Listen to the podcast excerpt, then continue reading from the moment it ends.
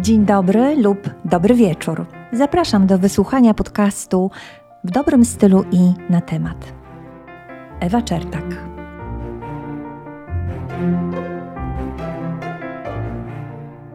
Po raz kolejny moim gościem jest Magdalena Petryniak, doradczyni do spraw komunikacji i storytellingu. Uczy wpływu opartego na zaufaniu. Rozmawiamy o marce, o klientach, o rewolucji lub ewolucji.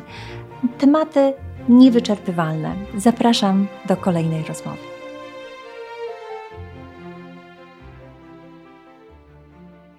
Wracamy do tematu marki. Po naszej ostatniej rozmowie pojawiło się wiele komentarzy, co nas bardzo cieszy, bo to znaczy, że wzbudziłyśmy ciekawość e, tym tematem. Niektórych zaintrygowałyśmy, ale byli też tacy, którzy poczuli się może nawet zszokowani tym, o czym mówiłyśmy. Tak.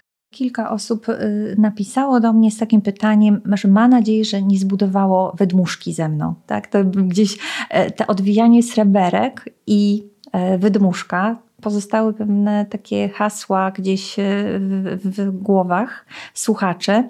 Myślę, że dobrze, dobrze bo, bo to chyba każdy mógł wtedy mm, zadać sobie pytanie, czy to mnie dotyczy i co to dla mnie oznacza. I czy to jest dla mnie? Tak. Kolejne tematy pojawiły się do omówienia. Może byśmy zaczęły od takiego tematu marka, rewolucja czy ewolucja? Mhm. Ja mogę powiedzieć z perspektywy mojego życia, że na pewno jest to ewolucja i zaczęła się ta cała droga, ten cały proces w czasie, kiedy nie byłam świadoma, że ja buduję swoją markę. Rewolucja zadziała się w ostatnich miesiącach, może w ostatnich latach, kiedy była widoczna ta sfera marki osobistej. Natomiast ten cały proces trwa u mnie, myślę, że już około 15 lat. Takiej drogi e, budowania pewnej tożsamości, spójnej tożsamości tego, o czym ja mówię i jak to widzą inni. Odniosę się do jednego komentarza, który pojawił się na LinkedInie, który dotyczył bezpośrednio naszych dwóch e, pierwszych nagrań. Otóż padło pytanie, ile osób dzisiaj może pozwolić sobie na luksus budowania marki osobistej? Co to znaczy ten luksus budowania marki osobistej? Ta osoba rozumie to w ten sposób, że musi dokonać jakiejś dramatycznej zmiany, zmiany tu i teraz, z dnia na dzień, która by spowodowała, że pozostawi ze sobą życie, które no, nie niosło jakiejś satysfakcji, spełnienia, a może miało to spełnienie, ale mm, bardziej finansowe, materialne, nie miało tego spełnienia względem jego wartości czy sensu tego, co się robi, czyli pozostawienie tego z dnia na dzień i rozpoczęcie nowego życia, takiego w zgodzie ze sobą. Tak przynajmniej zrozumiałam e, komentarz. Dlatego dla mnie jest to ważne, żeby odnieść się do właśnie takiego rozumienia marki, że marka jest jakąś rewolucją w życiu, że musimy podjąć jakieś drastyczne decyzje, coś porzucić, pozostawić, po to, żeby mieć um, gdzieś pod ręką życie takie na, na własną miarę. Hmm. Więc to jest, e, wydaje mi się, taki też chyba przeszkoda, jedna z tych głównych przeszkód, dlaczego ktoś nie sięga po tą markę. Co, w jakiś sposób mogę się zidentyfikować z tym myśleniem? Dlatego, że miałam takie przekonanie na pewnych etapach mojego życia, że tam marka szła za logo firm, które ja reprezentowałam. W pierwszym etapie mojego życia budowałam agencję PR i głównie identyfikowałam się z komunikacją, z PR-em. Potem zaczęłam zmieniać logo, szyldy, marki, z którymi pracowałam i ubierałam je na siebie. I pamiętam, jak tutaj przyszłam, siłowałam się z tobą emocjonalnie bardzo długo, żeby odłączyć siebie od marki Story Seekers.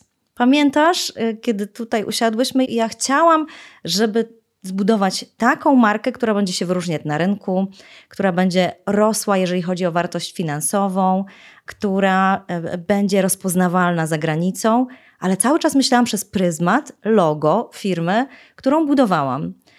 Dlatego się zastanawiam, czy dla części osób to nie jest rewolucja, kiedy na przykład kończą 5, 10, 20 lat pracy korporacyjnej w dużej marce przechodzą albo na własny rachunek, albo po prostu wychodzą na rynek pracy i czują się ogołoceni. Ewa, jak myślisz, czy to właśnie nie jest taką rewolucją w myśleniu? To teraz nie mam nic, nie mam logo tej dużej firmy. To znaczy, czy ja jestem marką, czy ja już nie jestem teraz marką? To zgadzałoby się z takim podejściem, że mogę zaczynać coś nowego w momencie, kiedy pozostawię za sobą stare. Wyobraźmy sobie góry, dwie góry, że ja jestem w drodze na szczyt. Można tak sobie wyobrazić e, nasz rozwój, kariery, no jakiekolwiek cele, które chcemy zdobywać, że jest góra, którą zdobywamy. I kiedy my jesteśmy w trakcie tego zdobywania szczytu, wdrapujemy się coraz wyżej, my już z tego wierzchołka obserwujemy kolejną górę, która zaczyna być dla nas atrakcyjna.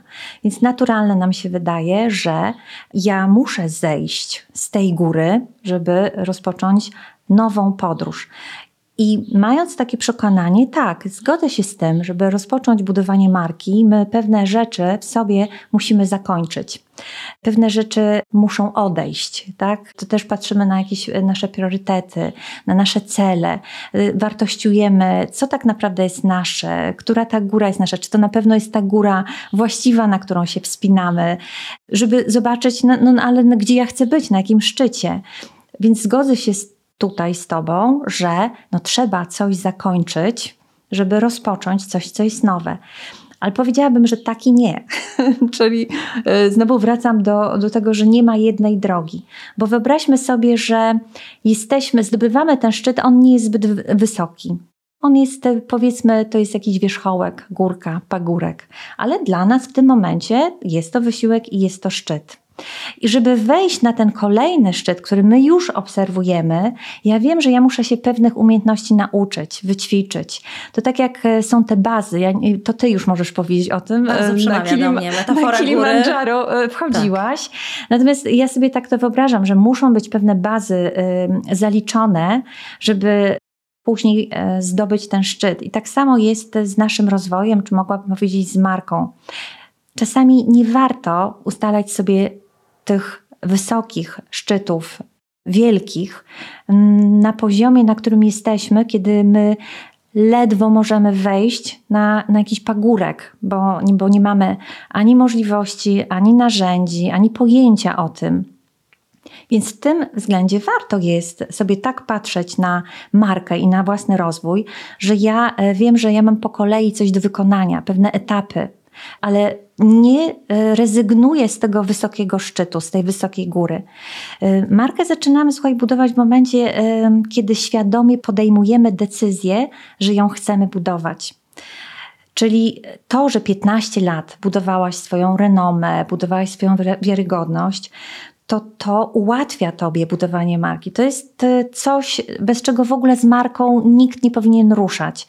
Czyli ja zakładam, że są różne określenia na rynku, że każdy może markę budować.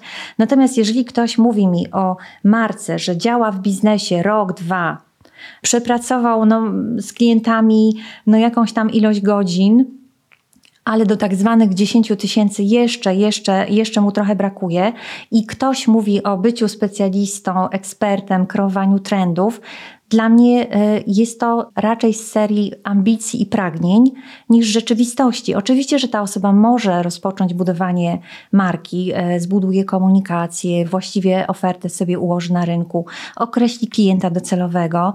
Natomiast tutaj na to, czy ta marka będzie działała i czy rzeczywiście rynek zacznie to, rynek się odezwie, jednak decyduje czas, czyli to jest ilość baz zaliczonych w naszych w takich doświadczeniach zawodowych, ale i osobistych powoduje, że jesteśmy w stanie e, później zdobyć tą inną górę, wysoki szczyt, ale wtedy, no jak w ten sposób spojrzymy na własny rozwój, to nie jest to rewolucja, mhm. to jest ewolucja.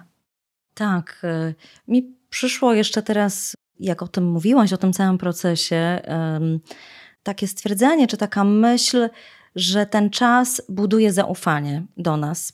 Jak wrócę właśnie do tego, że 15 lat temu weszłam na rynek, zaczęłam budować własny biznes, myślę, że może wtedy nieświadomie, nieświadomie budowałam to, jak ludzie mnie postrzegają. I dla mnie tych, wśród tych komponentów zaufania do mnie jako do człowieka jest kilka. Między innymi są to kompetencje. Dlatego są potrzebne te bazy, osiągnięcia, realizacja przedsięwzięć, pokazywanie, że jesteśmy skuteczni, że znamy się na jakimś obszarze, że na przykład ktoś jest ekspertem od cyberbezpieczeństwa, ktoś doskonale zna prawo spółek handlowych. To są te kompetencje. I my je pokazujemy poprzez lata doświadczeń realizowanych, czasem bardzo trudnych, przedsięwzięć. A drugim dla mnie komponentem kluczowym to jest ten komponent naszego charakteru i wartości. Bycia uczciwym człowiekiem, bycia człowiekiem wiarygodnym. I jak patrzę na relacje z częścią osób, które poznałam 15 lat temu przy realizacji projektów i oni wracają teraz do mnie, to ja nie mam tych samych kompetencji, które miałam 15 lat temu, ale mam nadzieję, że doceniają tą spójność wartości, tą moją integralność, to, że podejmuję decyzje i zachowuję się zgodnie z pewnym moim kanonem wartości. I to jest trwałe.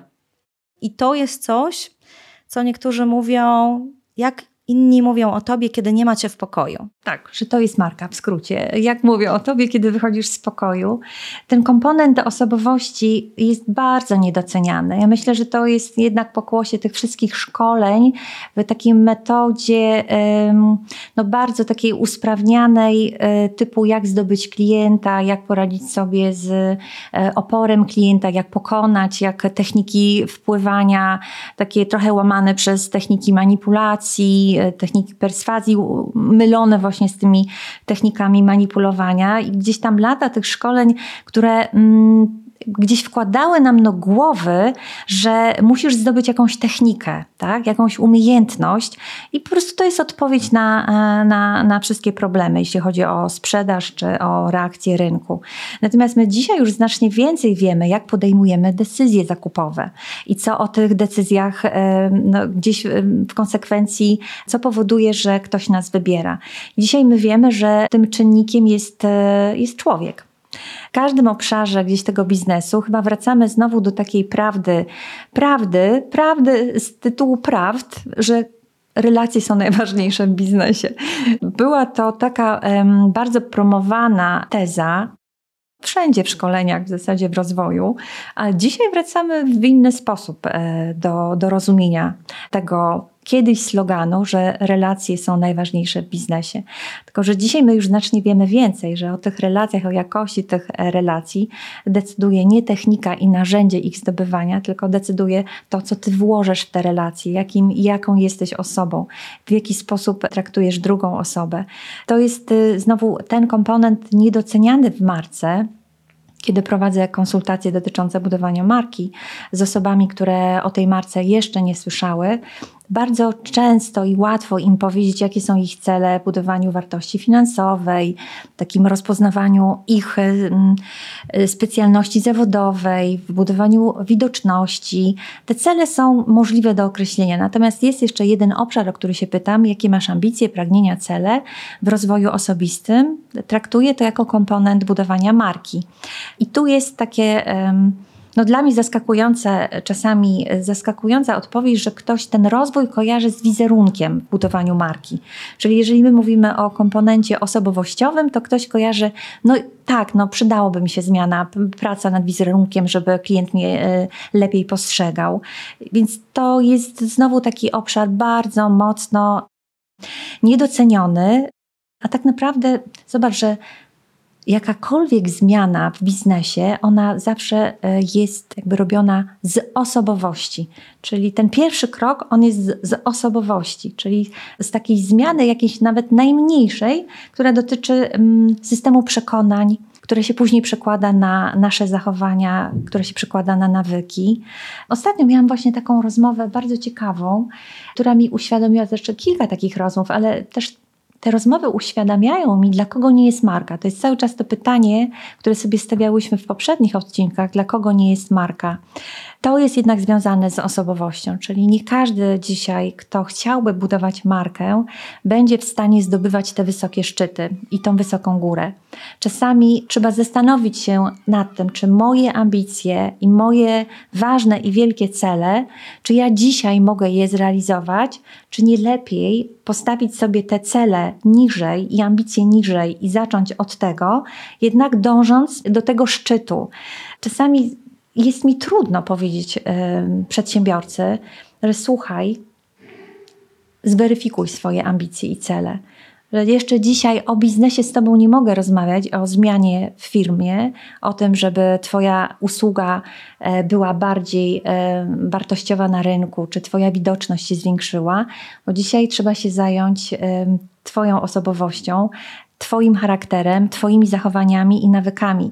Czy w ogóle masz świadomość, co mówisz, jak mówisz, jakie intencje e, prezentujesz, e, kiedy mówisz do ludzi, do klientów, do, do pracowników.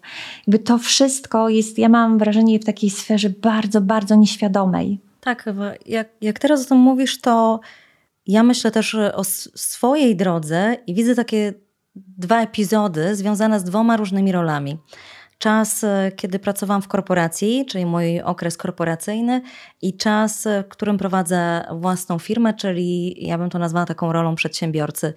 Ja mam wrażenie, że miałam różne cele w tych różnych etapach. Kiedy pracowałam w korporacji, skupiałam się bardzo mocno na tym, co wewnątrz, na budowaniu swojej pozycji wewnątrz, na budowaniu relacji, wzmacnianiu swojej pozycji w środku organizacji. Tak bardzo nie myślałam o tym, co na zewnątrz jak jestem przedsiębiorcą, mam poczucie teraz i wręcz przekonanie, że mam większy wpływ na ten świat zewnętrzny, na moich klientów, partnerów, pracowników. I mówię o tym dlatego, że jak teraz mówimy o tej pewnej gotowości, to bardzo często słyszałam u znajomych, którzy pracowali w firmach: Magda, wiesz, tyle lat spędziłam w tej korporacji, kiedy skończyłam tam pracę, nagle telefon zamilkł nikt do mnie nie dzwonił. Jakbym straciła swoją wartość, jakbym już nie miała marki. Ja tego nie czuję w, w moim życiu przedsiębiorcy, bo ja cały czas myślę długofalowo o relacjach z ludźmi, o tym, jak chcę, żeby mój głos też był słyszany w świecie. I to jest słowo, czy takie zdanie, które kiedyś mnie zapytała Sylwia, moja, moja przyjaciółka, psycholog, kiedy ja zastanawiałam się, nad moją marką, to było takie zdanie: Magda, w jakich rozmowach ty chcesz, żeby twój głos był słyszalny? W jakich tematach? Bo ty nie możesz być o wszystkim. Co jest dla ciebie ważne? Gdzie ty chcesz zajmować stanowisko? I też myślę o tym, że to jest taki, taka decyzja dla nas, zarówno jak jesteśmy w świecie korporacyjnym, jak i na własnym rachunku, żeby się nad tym zastanowić, gdzie my chcemy, żeby nasz głos był słyszalny. To jest też e, kwestia, zobacz, e, tak jak mówimy, tej, e, czy marka to jest rewolucja, czy ewolucja, tak? Z jednej strony, jeżeli my nie stawiamy sobie tych ważnych i wielkich celów, to skazujemy się na to, że to nasze życie trochę tak dryfuje. Czy to będzie firma, czy korporacja, to jednak to jest takie dryfowanie z prądem bardziej sytuacja zewnętrzna będzie nas określała, kto nam zaproponuje współpracę, ile nam zapłaci, w jakim towarzystwie, czy ty będziesz miała ból e, brzucha e, albo kucie w sercu, kiedy będziesz musiała coś zrobić, bo jest taki termin i takim sposobem to realizujesz to jest e, jakby wszystko poza nami. Wydaje nam się, że my nie mamy na to wpływu. Często słyszę od, e, od przedsiębiorcy, że ja nie mam na to wpływu. Ja nie zmienię społeczności, w której jest moja firma, bo to jest takie mniejsze miasto, a tutaj klienci to tylko e, chcą jak najtaniej, a oni to wcale nie szukają jakości, a moi pracownicy to tak naprawdę to interesują się tylko sobą i swoim zdrowiem i swoją wygodą i tylko chcą, żeby im płacić więcej, a jak jest problem, to, to ich nie ma. Cały czas gdzieś słychać to tak jakby szukanie tych powodów, dlaczego nie idzie mi tak, jak ja bym chciała, czy chciał, w tym, co się dzieje na zewnątrz. I tu jest bardzo trudno takiej osobie pomyśleć, to ja jeszcze sobie dołożę markę. To, to trochę jak w dowcipie. Mhm. Przychodzi e, młody Żyd do rabina i mówi, rabinie, jest mi bardzo źle w życiu, mam taką gderliwą żonę, hałaśliwe dzieci i generalnie to moje życie jest takie nieudane i nie mam kiedy się modlić i jest strasznie. A, i, I rabin mówi, idź kup kozę i wprowadź do mieszkania. Przyjdź e, po tygodniu. I on nie rozumie, dlaczego ma kupić kozę. Po tygodniu wraca i mówi, no jest tragi- tragedia, to, to po prostu ja chcę odzyskać swoje życie. No to sprzedaj kozę. I okazuje się, że zmienia perspektywę widzenia, okazuje się, że dom jest przestronny, a on może znaleźć miejsce dla siebie. To jest anegdota, ale y, jakby to też obrazuje mm, to, czego my nie widzimy, kiedy my chcemy tej zmiany w biznesie. Bo tych, ostatnio po tej konferencji odbyłam e, ileś tam rozmów z przedsiębiorcami. Słyszę wszędzie to samo, że ja chcę zmiany w biznesie. Tak? Czyli chciałbym, chciałabym coś ze swoimi klientami, coś ze swoją usługą, z wartością, z ceną, z ludźmi. Na tej zasadzie ja mówię, no to zacznij budować markę. To jak z tą kozą, zacznij budować markę. Zajmij się czymś, co ci się wydaje, na co nie masz wpływu, co na razie jest dla ciebie abstrakcją. Dlatego, że yy, sięgając po markę, ktoś ma takie e, przekonanie, że powinien być ten efekt że przecież ja buduję markę, no to ja spodziewam się tego efektu. Ja nie mogę długo czekać, bo ja chcę mieć już tą zmianę, ja chcę mieć już teraz tego innego klienta, albo ja chcę przestać robić to, a zacząć robić to. To jest bardzo trudno nam zrozumieć, odroczyć pewien efekt w czasie. I to chyba już też związane jest z takimi doświadczeniami e, psychologicznymi, gdzie badano grupę dzieci, chyba w Stanach było, e, badano grupę dzieci i cukierki. Dzieci nie wiedziały, że jest ukryta kamera, e, były poproszone o to, żeby nie zjeść cukierka w momencie, kiedy ktoś wychodzi z sali, tylko e, dostaną te cukierki w momencie, kiedy ktoś im powie, że mogą je zjeść. No i była grupa, która e, od razu te cukierki zjadła, a druga grupa, która odroczyła sobie tą przyjemność żeby mieć później większą przyjemność.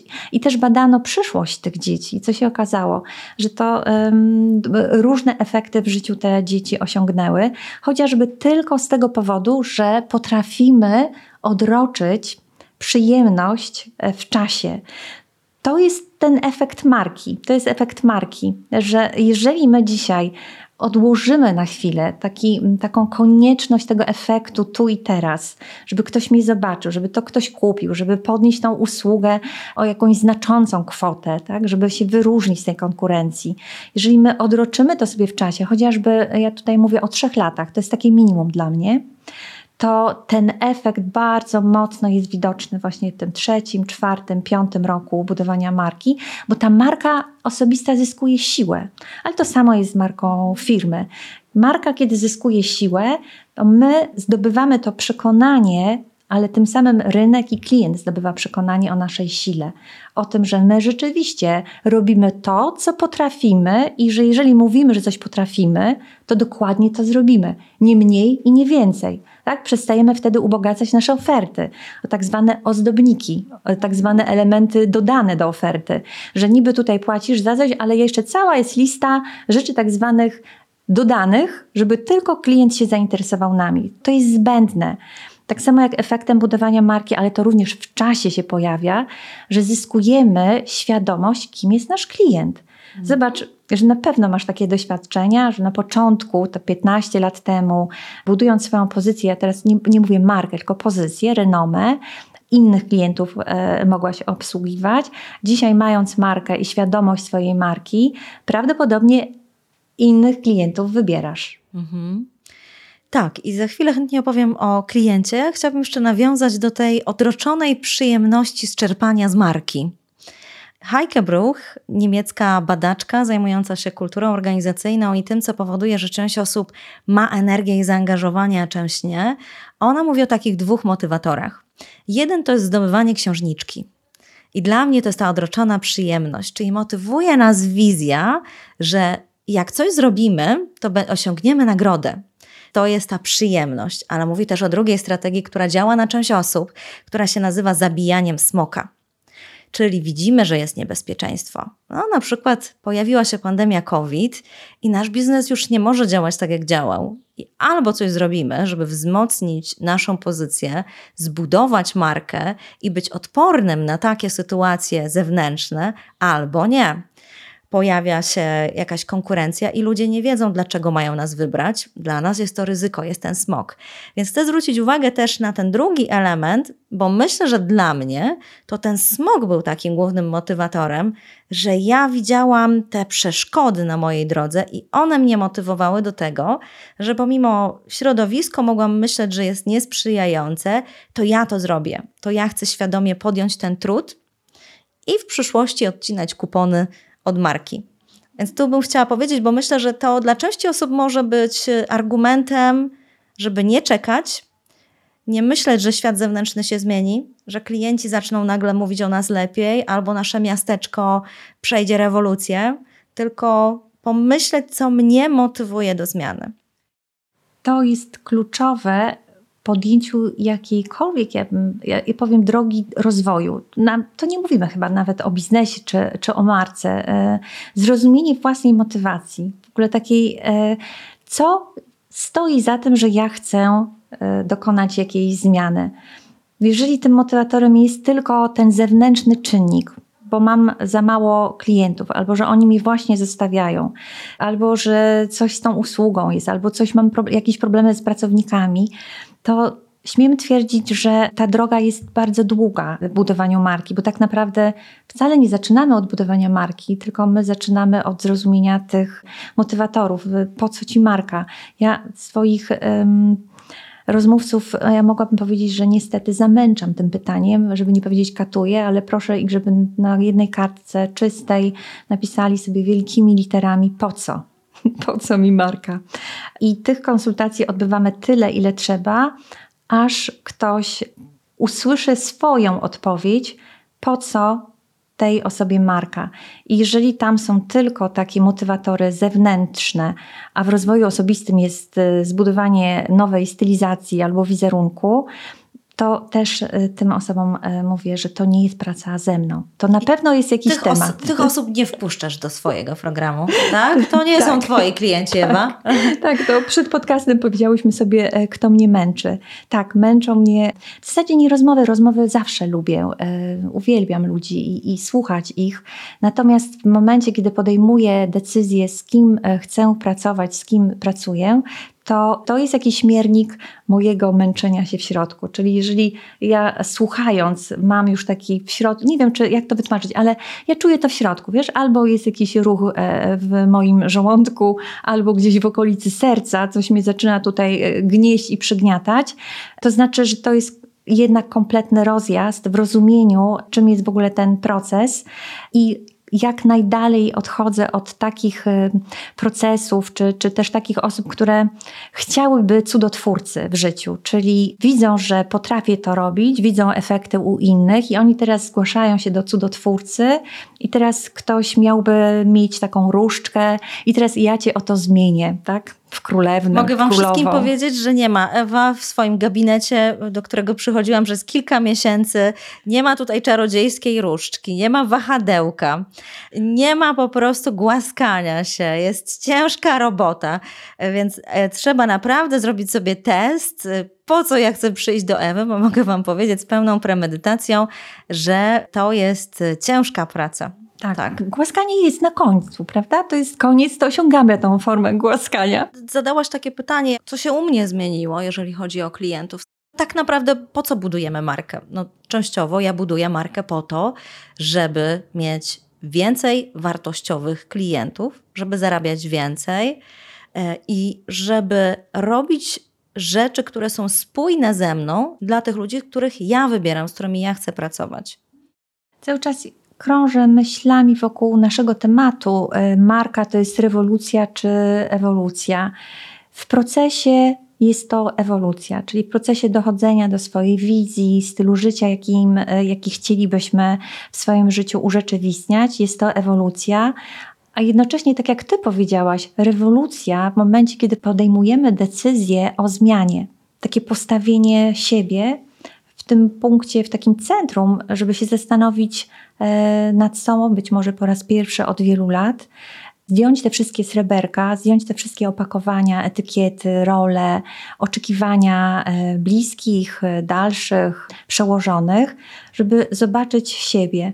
To jest, cały czas powtarzam, trudny etap w budowaniu marki i nie każdy może na to się zdobyć żeby pozwolić sobie na takie zdejmowanie tych wszystkich e, opakowań. W tym sensie jest to rewolucja, tak? W tym sensie jest to rewolucja w myśleniu, w takim podejściu do siebie. A ewolucja, jeżeli myślimy o długofalowym budowaniu biznesu, kariery, osiągnięć, jakiegokolwiek sukcesu, o którym dziś, dzisiaj byśmy marzyli, wyobrażali sobie, to y, trzeba spojrzeć na to jak na pewien proces, który dotyczy całego naszego życia. Dlatego mówiłyśmy o tej wspinaczce. Ja myślałam, że ty powiesz o tym Kilimandżaro, a ty o tych, o, Kilimandżaro o tych, o tych bazach nie powiedziałaś, tak. bo tu Wiesz chyba co? byś najlepiej mogła, jesteś taką wiarygodną osobą, bo się wspinałaś bazy i jeszcze bazy. będą, ale wiesz, Kilimandżaro mi uświadamia, że nie jest najważniejszy szczyt, najcenniejsza jest droga. I tak jest z marką. Ja przyszłam z perspektywą celu, szczytu, a najbardziej wartościowym doświadczeniem była ta droga, na której cały czas jestem. Czyli chcesz powiedzieć, że to jest takie Kilimandżaro, z którego się nigdy nie schodzi i tym sposobem zapraszamy na kolejny odcinek i tam powiemy o klientach. Mhm, dokładnie. Zapraszamy.